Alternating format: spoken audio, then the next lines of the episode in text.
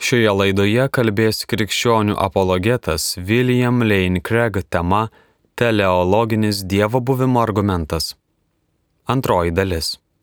Šioje antroje laidoje garsus krikščionių apologetas Viljamas Leinas Kreigas toliau aptarė teleologinį Dievo buvimo argumentą. Tai yra argumentą iš protingo tikslingumo neprotingoje visatoje, kuris nurodo į intelektą, turėjusi nukreipti dalykus siekti šio tikslingumo, kurį mes pastebime.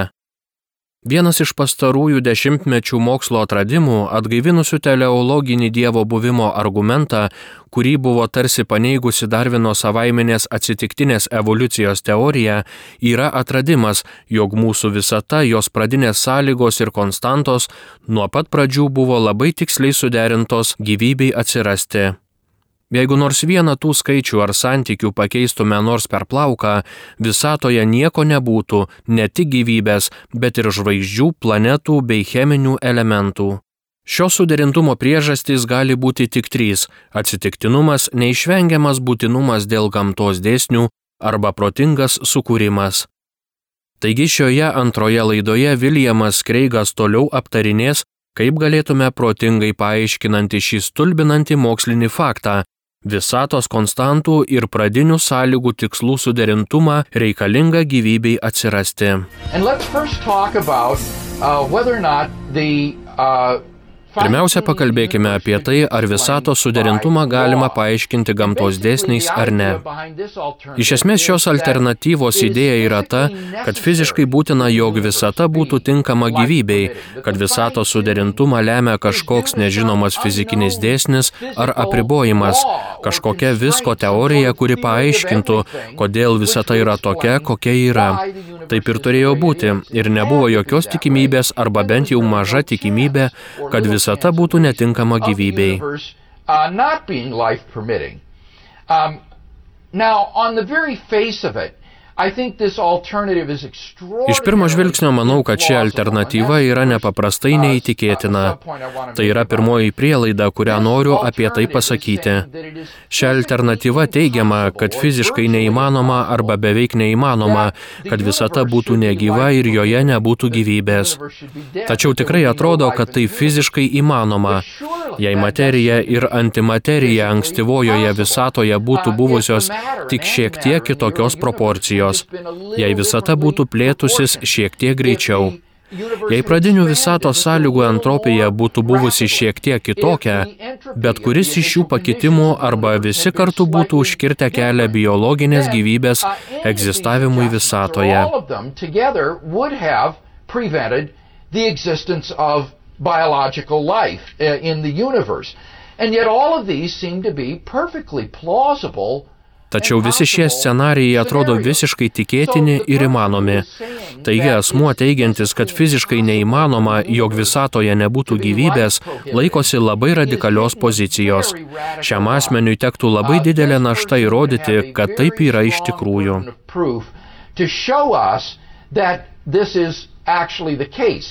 But Tačiau tokių įrodymų apskritai nėra. Tai tiesiog pateikiama kaip menka galimybė. Nors tai įmanoma, galimybės yra menkos. Viskas yra įmanoma. Klausimas, kurį užduodame, yra toks. Koks yra geriausias visatos suderintumo paaiškinimas? Asmuo, kuris sako, kad geriausias paaiškinimas yra tas, jog tai fiziškai būtina, iš tiesų turi pateikti mums kokių nors to įrodymų. Mums reikia daugiau nei vien tik teiginio apie tokią galimybę. Mums reikia kokių nors to įrodymų, o jų tiesiog nėra.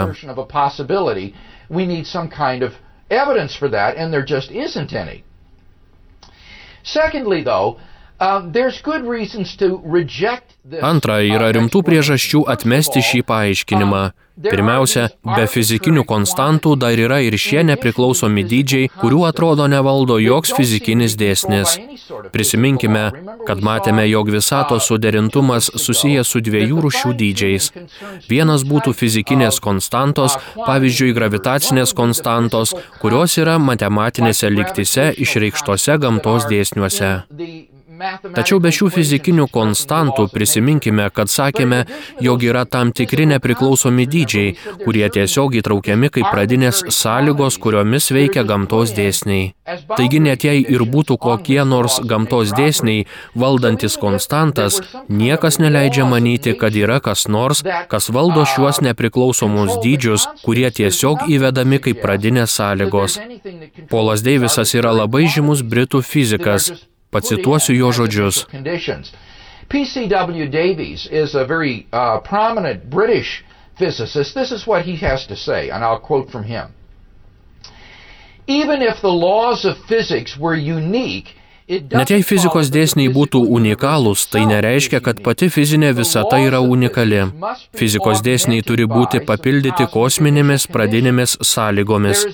Dabartinėse idėjose apie pradinių sąlygų dėsnius nėra nieko, kas bent iš tolo rodytų, kad jų atsitiktinumas fizikos dėsniams reikštų unikalumą.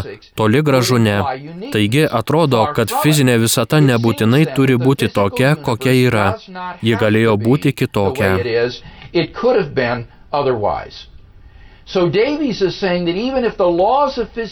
Taigi Deivisas sako, kad net jei fizikos dėsniai būtų unikalūs, o konstantos kažkaip fiksuotos, moksle nėra nieko apie jas reguliuojančius pradinių sąlygų dėsnius. Tai yra tik nepriklausomi dydžiai, kurie tiesiog įvedami kaip pradinės sąlygos. Ši alternatyva, manau, atrodo labai neįtikinama dėl šios priežasties. Galiausiai dar vienas dalykas yra susijęs su vadinamąją visko teorija. Svarbu suprasti, apie ką mokslininkai kalba, kai kalba apie visko teoriją. Kaip ir daugelis mokslinių etikečių, tai labai klaidinantis terminas. Visko teorija tiesioginė prasme nėra teorija, kuri paaiškintų viską, kaip viskas pasaulyje yra. Visko teorija tai tik savotiškas skambus būdas kalbėti apie vieningą fizikos teoriją, kuri paaiškintų, kad visos keturios pagrindinės gamtos jėgos - gravitacija, elektromagnetizmas, atomo silpnoji jėga ir atomo stiprioji jėga - yra vienos jėgos apraiškos kad jos visos yra redukuojamos į vieną jėgą, kurią apibūdintų visko teorija. Are all manifestations of a single force. That these are all reducible to some single force that would be described by a theory of everything. But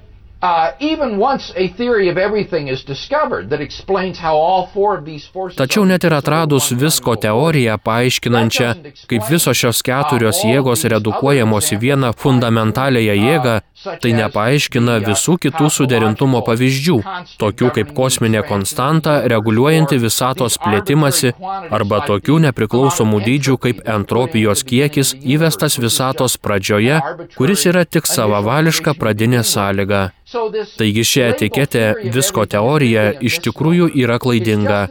Tai tik bandymas paaiškinti, kaip galima keturias gamtos jėgas sumažinti iki vienos vienintelės jėgos.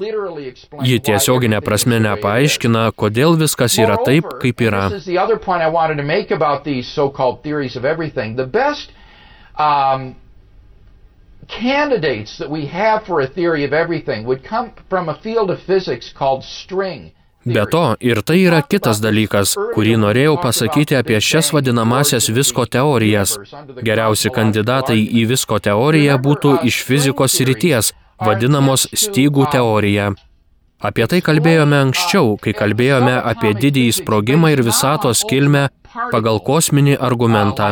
Prisimenate, kad stygų teorijos tai bandymai paaiškinti subatominę fiziką remiantis negalutinėmis detalėmis, pavyzdžiui, kvarkais, o mažomis vibruojančiomis energijos stygomis. Šios vibruojančios energijos stygos yra pagrindinės materijos sudedamosios dalys, kuriomis paaiškinami kvarkai, protonai ir kitos elementariusios detalės, o galiausiai atomai, žmonės, kalnai, galaktikos ir visa kita kita. Taigi šis stygų teorija yra geriausias kandidatas, galintis mums pateikti vieningą pagrindinių gamtos jėgų teoriją kaip vieną bendrą jėgą. Tačiau noriu pasakyti, kad pati stygų teorija, kaip ir kiti bandymai suvienyti šias teorijas, yra susijusi su suderintumu. Taigi, ji nepanaikina suderintumo, o tik nustumia jį dar vienu laipteliu atgal. For example, in string theory, uh, Pavyzdžiui, stygų teorijoje tai galima suformuluoti tik turint 11 matmenų. Jei visas įvairias stygų teorijas sujungtume į vieno tipo teoriją, kuri paprastai vadinama M teorija, tai norint, kad ši teorija veiktų, Reikia 11 matmenų, 10 erdvės matmenų ir vieno laiko matmens. Tačiau teorijoje nėra jokio paaiškinimo, kodėl tikrovė turėtų turėti 11 matmenų. Ji yra nepaprastai tiksliai sureguliuota. Iš visų matmenų, kurie galėjo būti, reikia turėti tik 11. Teorijoje nepaaiškinama, kodėl jų turėtų būti tik 11. Vieną rytą konferencijoje, kurioje mes su Džanu dalyvavome Vašingtone, sėdėjau pusryčiaudamas su stygų teoretiku iš Bayloro universiteto. Jis dirba jų stygų teorijos institute, Bayloro universitete. Mes kalbėjomės apie tai. Jis labai gražiai pasakė, kad stygų teorija nepanaikina tikslaus suderintumo, Ji tiesiog pakeičia dabartinį jėgų tikslingumą geometriniu tikslingumu, pavyzdžiui, 11 laiko ir erdvės matmenų. Tai tebėra suderintumas, bet dabar tai ne jėgų lauko suderintumas, o geometrinis suderintumas, sakė jis. So it, it takes on a different kind of fine tuning. It's still fine tuning, but now it's not force field fine tuning, it's geometrical fine tuning, was the way he put it. And I uh, very uh, Manau, kad tai buvo labai naudinga ir puikiai paaiškino, kaip stygų teorija paveikė tikslaus suderintumo argumentus. Kaip jau minėjau, tai yra modelis. Tikslus suderintumas yra neįtikėtinai visur pasirodantis. Jis panašus į užsispirusį iškilimą kiliminėje dangoje. Jį išlyginsi vienoje vietoje, o jis vis tiek išlys kur nors kitur. Jei pašalinsite, tarkime, gravitacijos, silpnosios jėgos ir kitų jėgų suderintumą, suvienydami jas į vieną fundamentaliją jėgą, Tuomet suderintumas tiesiog bus išstumtas atgal į visatos geometrinės savybės.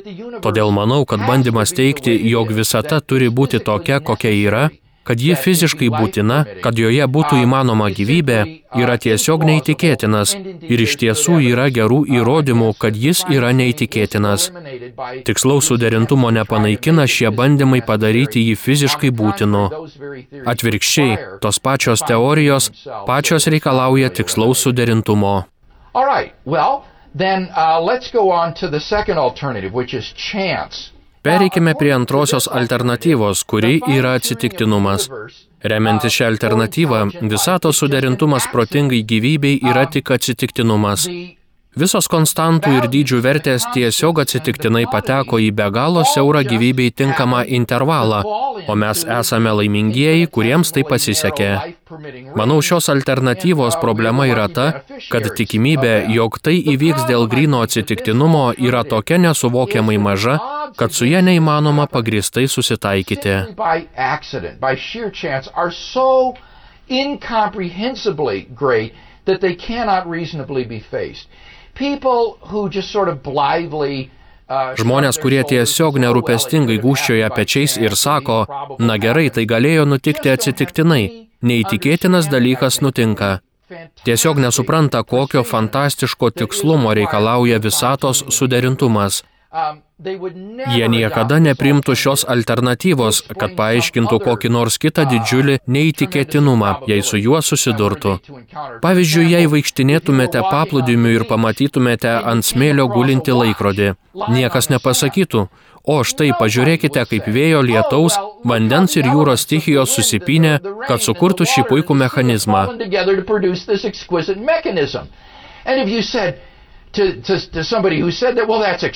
Jei taip sakančiam žmogui pasakytumėte, na tai nepaprastai neįtikėtina, tai niekada neįvyktų, o tas žmogus atsakytų, na, neįtikimybių pasitaiko. Jūs nežiūrėtumėte į tai rimtai. Tai nėra geriausias paaiškinimas, Manau, kad tai tik dar kartą iliustruoja mano prieš kurį laiką išsakytą mintį, jog žmonės, norėdami išvengti minties apie Dievą, priims paaiškinimus, kurių niekada nepriimtų jokioje kitoje gyvenimo srityje, nes visatos suderintumas yra fantastiškai neįtikimesnis nei paprasto mechanizmo, pavyzdžiui, laikrodžio suderintumas. Taigi, jei nepriimtumėte atsitiktinumo laikrodžio atžvilgių, neturėtumėte jo priimti ir visatos atžvilgių. But it's important to understand here that it's not just probability Tačiau yra svarbu suprasti, kad kalbama ne tik apie tikimybę ar neįtikimybę, nes tiesa, kad fantastiškai neįtikimų dalykų nutinka nuolat. Kai pagalvojame, esame rezultatas fantastiškai neįtikėtino įvykio, kai susijungia tik tam tikras spermatozoidas su tam tikru kiaušinėliu. And if that sperm and that egg had not met, Jei tas spermatozoidas ir tas kiaušinėlis nebūtų susitikę būtent tuo metu, mūsų nebūtų.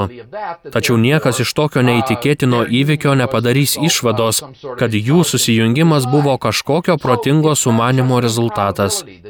Taigi čia kalbama ne tik apie neįtikimybę, nes neįtikimybių pasitaiko nuolat. Veikiau kalbama apie tai, ką teoretikai vadina specifiniu neįtikimumu. Tai reiškia, kad reikia įrodyti, jog nagrinėjamas įvykis yra ne tik neįtikėtinas, bet ir atitinka nepriklausomai duotą modelį. But that it also conforms to an independently given pattern. It's not only improbable, but it conforms to an independently given pattern. Uh, let me uh, give an example. Suppose Pateiksiu pavyzdį. Tarkime, įėjote į kambarį ir radote šimpanzę sėdinčią prie rašomosios mašinėlės ir mušančią klavišus. Pažvelgia į tai, ką šimpanzė atspausdino, pamatėte, kad tai buvo tik virtinė atsitiktinių raidžių. Tikriausiai nepagalvotumėte, kad atsitiktinės raidės yra protingo projekto rezultatas. Tai buvo tiesiog šimpanzės daužančios klavišus rezultatas. Tačiau įsivaizduokime, kad įėję į kambarį pamatytumėte, jog spausdinamas vienas iš Šekspyro sonetų, o šalia mašinos ant kėdės sėdi šimpanzė. Tokiu atveju jūs pasakytumėte, kad čia kažkas ne taip, kad šį sonetą parašė ne šimpanzė atsitiktinai daužydama rašomosios mašinėlės klavišus. Tačiau įdomiausia tai, kad Šekspyro soneto raidžių seka ir šimpanzės įvestų raidžių seka yra vienodai neįtikėtinos. Tikimybė, kad bus būtent tokia raidžių seka, niekuo nesiskiria. Tikimybės yra vienodos. Pagalvokite, kaip kas nors sumaišo ir išdalyja kortas. Jeigu jūs žaidėte kortomis, bet koks kortų padalymas yra vienodai neįtikėtinas. Tačiau jei kas nors kas kart dalydamas kortas nuolat dalytų savo, tarkime, tobulą bridžo kombinaciją, įtartumėte, kad kažkas negerai, nors tokios kortų sekos neįtikimybė yra lygiai tokia pati, kaip ir bet kurios dalyjamų kortų sekos neįtikimybė. Taigi koks skirtumas tarp šių dviejų atvejų? Skirtumas yra tik tas, kad viena iš jų yra neįtikėtina, o kita ne. Jos abi yra vienodai neįtikimos. Skirtumas yra tas, kad viena iš jų atitinka nepriklausomai duotą modelį. Tai konkreti neįtikimybė. Šimpanzės atveju raidžių modelis atitinka nepriklausomai duotą anglų kalbos gramatiškai suformuluotų sakinių modelį. Bridžo kortų derinio atveju ji atitinka bridžo žaidimų modelį ir tai, kas lemia pergalę žaidime.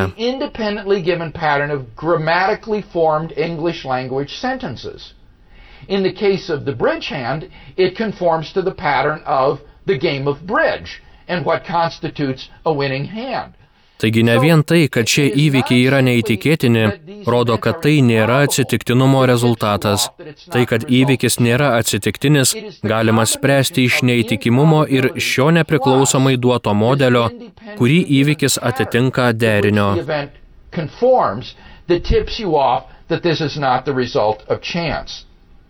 Now, Turėdami tai omenyje, galime išvelgti klaidą žmonių, kurie bando paaiškinti tikslų į suderintumą sakydami.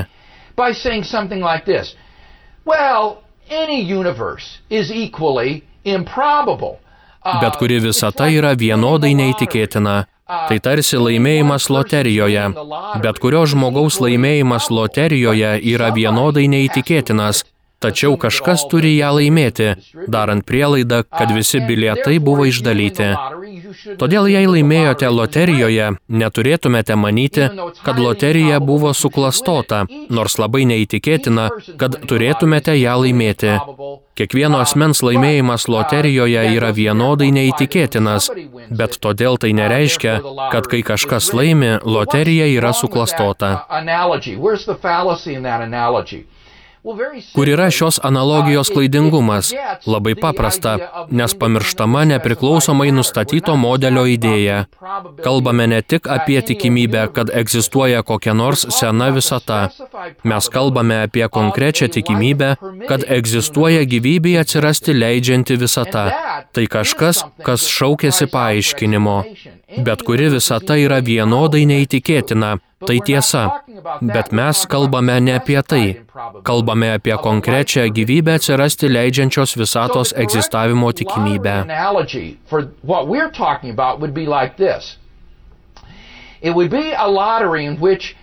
Taigi teisinga loterijos analogija, apie kurią kalbame, būtų tokia.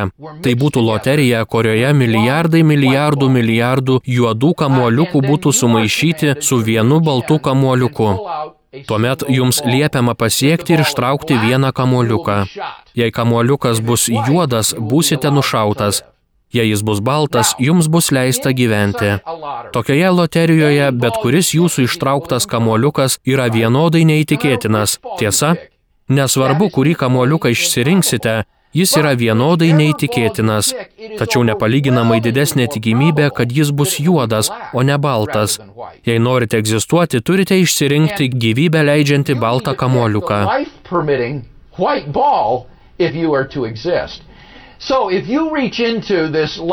Taigi, jei šioje milijardų milijardų juodų kamuoliukų loterijoje ištrauksite vieną baltą kamuoliuką ir pamatysite, kad jis baltas, turėtumėte iš karto įtarti, kad šis kamoliukas yra suklastotas.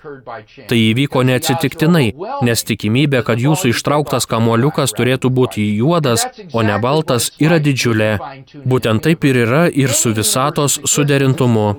Bet kurios visatos egzistavimas yra vienodai neįtikėtinas. Tai tiesa, tačiau atsižvelgiant į nesuvokiamą visatos suderintumo neįtikimumą, egzistuojanti visata, kad ir kokia ji būtų, turėtų būti veikiau priešiška gyvybei, o neleidžianti jai atsirasti. Jei nesuprantate šio pavyzdžio jėgos, pagalvokite apie tai taip. Įsivaizduokime, kad turėjote penkis kartus iš eilės iš milijardų milijardų juodų kamuoliukų ištraukti baltą kamuoliuką, kad jums būtų leista gyventi.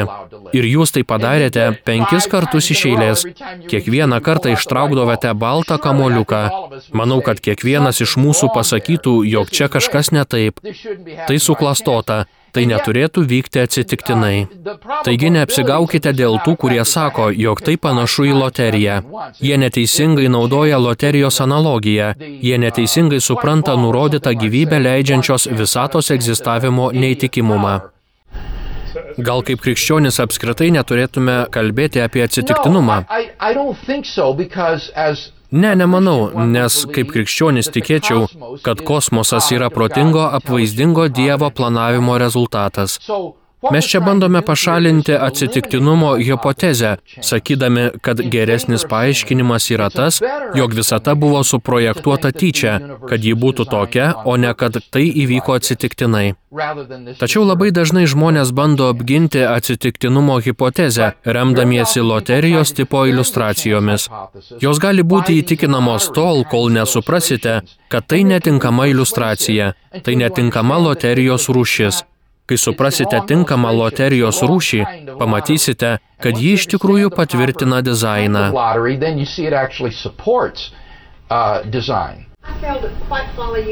Jūsų pavyzdyje apie kiaušinėlį ir spermatozoidą galbūt taip pat veikia Dievo apvaizda. That in and of itself almost speaks to design.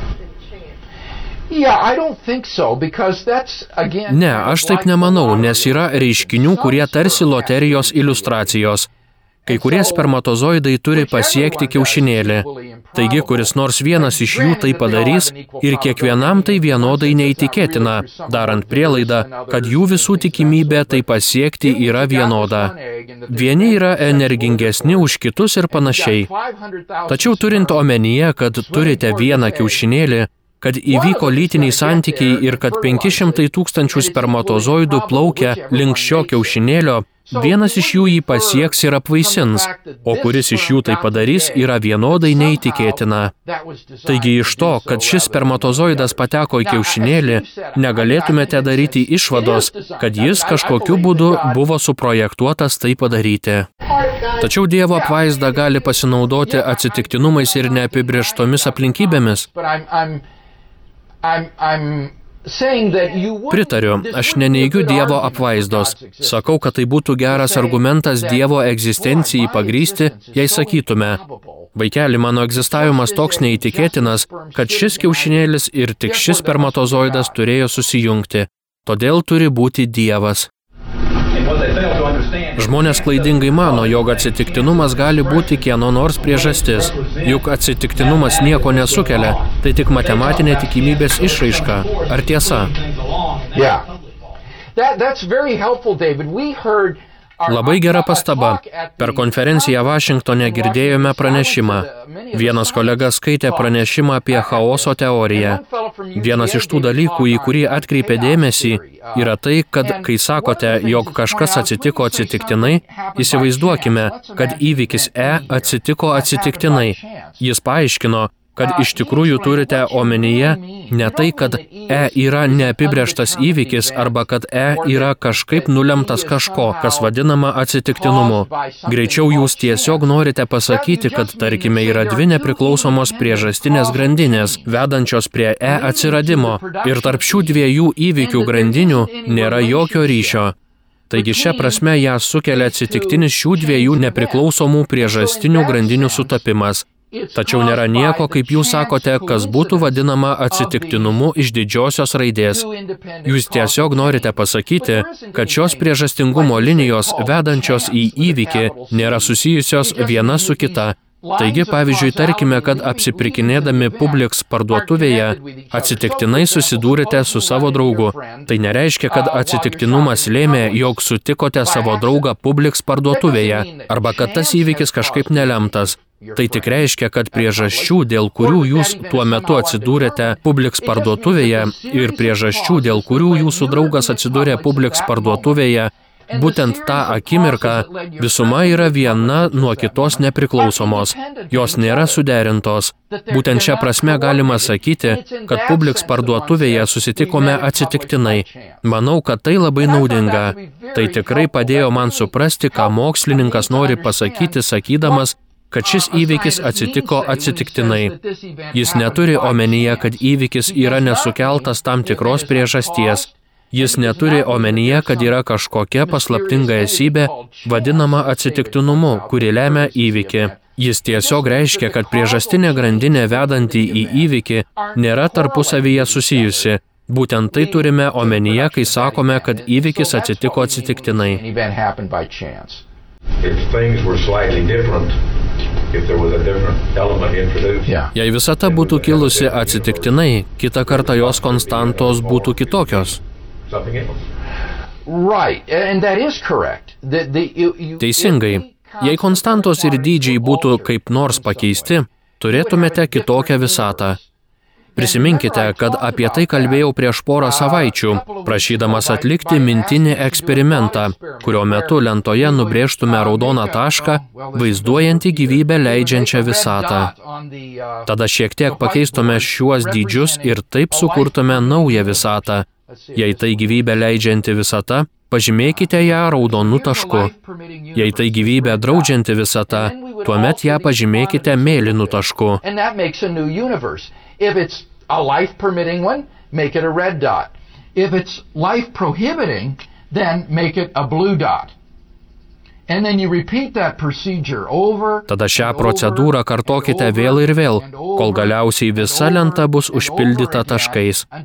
Pamatysite, kad turite mėlyną jūrą ir tik kelis raudonus taškus šen bei ten. Taigi turėtumėte skirtingas visatas, bet jos neleistų gyventi, jos būtų negyvos. Tose visatose nebūtų jokios gyvybės, jei nebūtų tikslaus suderintumo. Klausimas, kurį užduodame, yra toks. Ar tai tik atsitiktinumas? Ar tai galėjo atsitikti tiesiog atsitiktinai? Mes siūlome, kad ne. Tai nėra geriausias paaiškinimas. All right, any other question about this first point? All right, now, how can the atheist get over this problem? Kaip ateistas gali įveikti šią problemą, kad nurodytas tikslaus suderintumo neįtikimumas yra tiesiog per didelis, jog jį galima būtų protingai paaiškinti? Čia daugelis mąstytojų apeliuoja į vadinamąjį antropinį principą.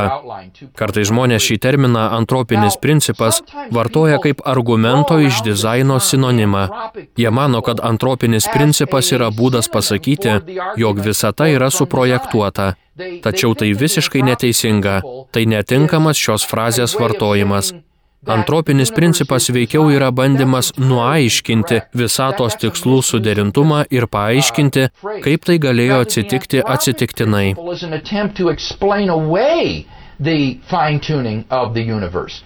Uh, and to explain how it could have happened by chance. Now, what does the anthropic principle state? Ką teigia antropinis principas? Iš esmės jis sako štai ką, neturėtumėte stebėtis stebėdami tiksliai suderintą visatą, nes jei visata nebūtų tiksliai suderinta, mūsų čia nebūtų, kad galėtume tuo stebėtis. Štai ką sako antropinis principas.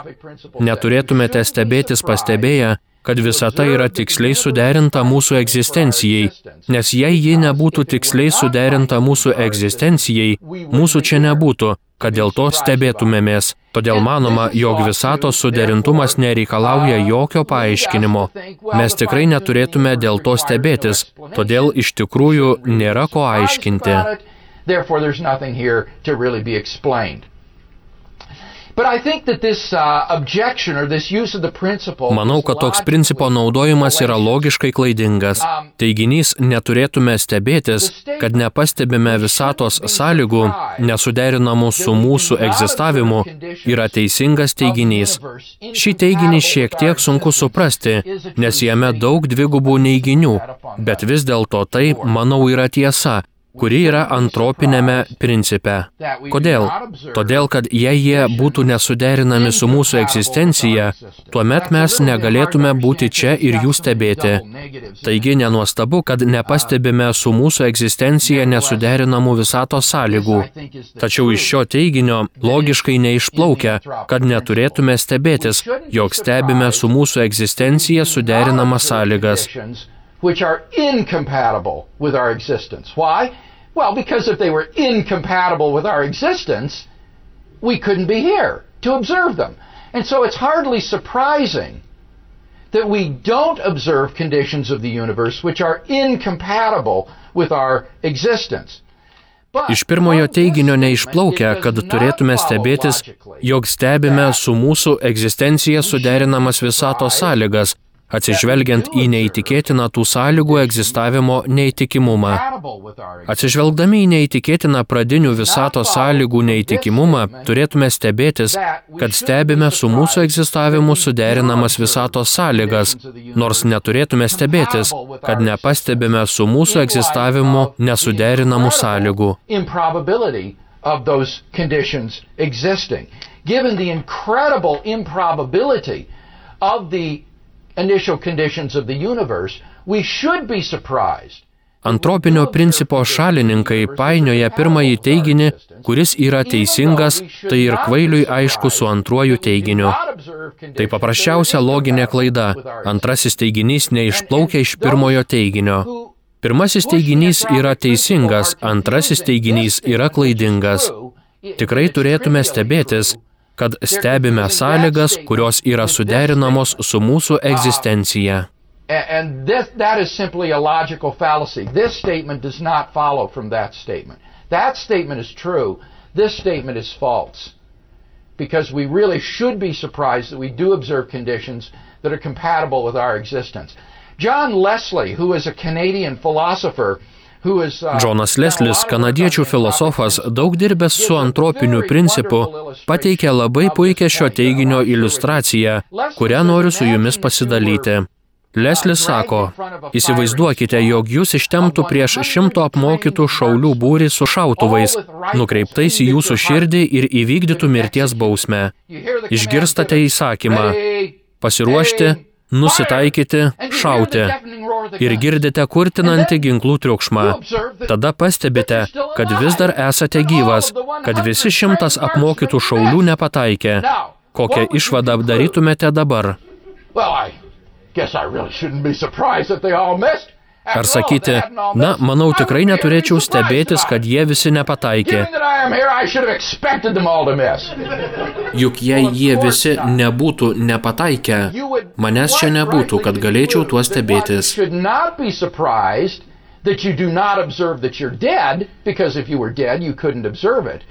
Atsižvelgiant į tai, kad esu čia, turėjau tikėtis, kad jie visi nepataikys. Na žinoma, kad ne. Jūs visiškai teisingai padarytumėte išvadą, kad nors neturėtumėte stebėtis, jog nepastebite, kad esate miręs, nes jei būtumėte miręs, negalėtumėte to pastebėti. Turėtumėte stebėtis, kad pastebite, jog esate gyvas, atsižvelgiant į didžiulę neįtikimybę, kad visi šauliai į jūs nepataikė. Iš karto įtarsite, kad jie visi nepataikė tyčia, kad visa tai buvo kažkieno dėl kažkokių priežasčių inscenizuota. Lygiai tas pats yra ir su visatos pradinių sąlygų suderintumu. Neturėtumėte stebėtis, kad nepastebime visatos sąlygų nesuderinamų su mūsų egzistavimu. Tai būtų tas pats, kas pastebėti, kad esi miręs, tačiau iš to neišplaukia, kad neturėtumėte stebėtis, jog stebime su mūsų egzistencija suderinamas sąlygas. Tai būtų tas pats, kaip pastebėti, kad esate gyvas po to, kai visi šimtas apmokytų šaulių į jūs nepataiko. Ten turėtumėte stebėtis, kad iš tiesų stebite sąlygas suderinamas su jūsų egzistencija, nes jos tokios neįtikėtinai, neįtikėtinai, neįtikėtinos. Taigi antropinis principas yra tiesiog logiškai klaidingas. Tie, kurie juo remiasi, manau, padarė klaidą, kai bando išvesti antrąjį teiginį iš pirmojo teiginio, nors tie teiginiai nėra logiškai lygiaverčiai. metaphysical hypothesis, namely the many worlds hypothesis. Uh, and that brings us to the next point, 2.14, the anthropic principle with a world ensemble. Todėl tie, kurie nori apginti atsitiktinumo alternatyvą, buvo priversti priimti neįprastą metafizinę hipotezę, būtent daugelio visatų, multivisatos arba daugelįpės visatos hipotezę. Tai mus veda prie kito klausimo Antropinis principas su pasauliu ansambliu. Pagal šią hipotezę mūsų visata yra tik viena iš didesnio visatų rinkinio, kurios visatos yra realios, realiai egzistuojančios paralelinės visatos, ne tik galimybės, bet ir realiai egzistuojančios tikrovės. Taigi ši visata nėra vienintelė egzistuojanti visata. Egzistuoja ir kitos visatos, multivisata, jei norite įvairios visatos. Siekiant užtikrinti, kad mūsų visata atsitiktinai neatsitiktų, neatsiras vien tik atsitiktinai kur nors šiame visatų ansamblyje, taip pat numanyta, kad egzistuoja begalinis skaičius paralelinių visatų. Reikia sakyti, kad jų yra begalinis skaičius, nes tik taip galima garantuoti, kad kiekviena galimybė bus aktualizuota. Taigi ne tik, kad egzistuoja nematomų, neaptinkamų paralelinių visatų ansamblis, bet ir begalinis skaičius šių kitų visatų egzistuojančių ten. Be to, visos šios visatos turi būti atsitiktinės tvarkos, konstantų ir fizikinių dydžių atžvilgių, nes priešingo atveju jos visos gali būti vienodos. Jų gali būti begalinis skaičius, kai kurios iš jų turi vienus konstantų dydžius, o kai kurios kitus. Galbūt begalinėme ansamblyje yra tik trys dydžiai, kurie pasitaiko. Taigi, norėdami garantuoti, kad mūsų visata atsiras ansamblyje, turite postuluoti ne tik šias kitas lygiaverčias visatas, bet ir begalinį skaičių tokių lygiai grečių visatų ir turite postuluoti, kad jos visos yra atsitiktinai sukonfigūruotos, kad kiekvienas konstantų ir dydžių derinys kur nors pasaulinėme ansamblyje egzistuotų. Tokio požiūrio šalininkai sako, kad todėl kažkur visatų ansamblyje atsiras visata, kaip tik tokia, kaip ir mūsų, ir tada jie apeliuoja į antropinį principą, sakydami, kad neturėtume stebėtis, jog stebime būtent tokią visatą, nes galų gale, jei mūsų visata nebūtų tiksliai suderinta, mūsų čia nebūtų, kad ją stebėtume. Tos kitos visatos yra negyvos, juose nėra jokių stebėtojų. Tik tobulai suderintoje visatoje gali būti stebėtojų, todėl iš tikrųjų neturėtume stebėtis, kad stebime tobulai suderintas visatos sąlygas, nes tokie stebėtojai kaip mes egzistuoja tik tose visatose, kurios yra tobulai suderintos. to observe the finely tuned conditions of the universe because observers like us only exist in those universes that are finely tuned. And so this is the point at which the debate has been driven today. I, I'm, and I'm entirely Tai ir yra taškas, į kurį šiandien nukrypo diskusijos. Čia kalbu visiškai rimtai. Jei norite pasikalbėti su žmonėmis, kurie iš tikrųjų yra diskusijų dėl visatos suderintumo viršūnėje, tai iš esmės yra dizaino hipotezė ir daugelio visatų multivisatos hipotezė. Uh, this possibility in a, in a really a rather desperate effort to explain away the Blaiviai mąstantis mokslininkai kalba apie šią galimybę iš tiesų gana desperatiškai bandydami paaiškinti neįtikėtiną visatos suderintumą. the mini universe hypothesis. And I hope Joe Scotty shows up because he's been uh, waiting for this, you know, for many weeks now. Kita kartą norėčiau pateikti keturių punktų daugelio visatų hipotezės kritiką. Teiksiu, kad mano manimų dizaino hipotezė yra geresnis tikslaus suderintumo paaiškinimas nei šis atsitiktinis begalinis lygiagrečių visatų ansamblis. Šioje laidoje klausėmės krikščionių apologeto William Lane Craig, kuris kalbėjo tema Teleologinis Dievo buvimo argumentas. Klausėmės antrosios dalies. Likite su Marijos radiju.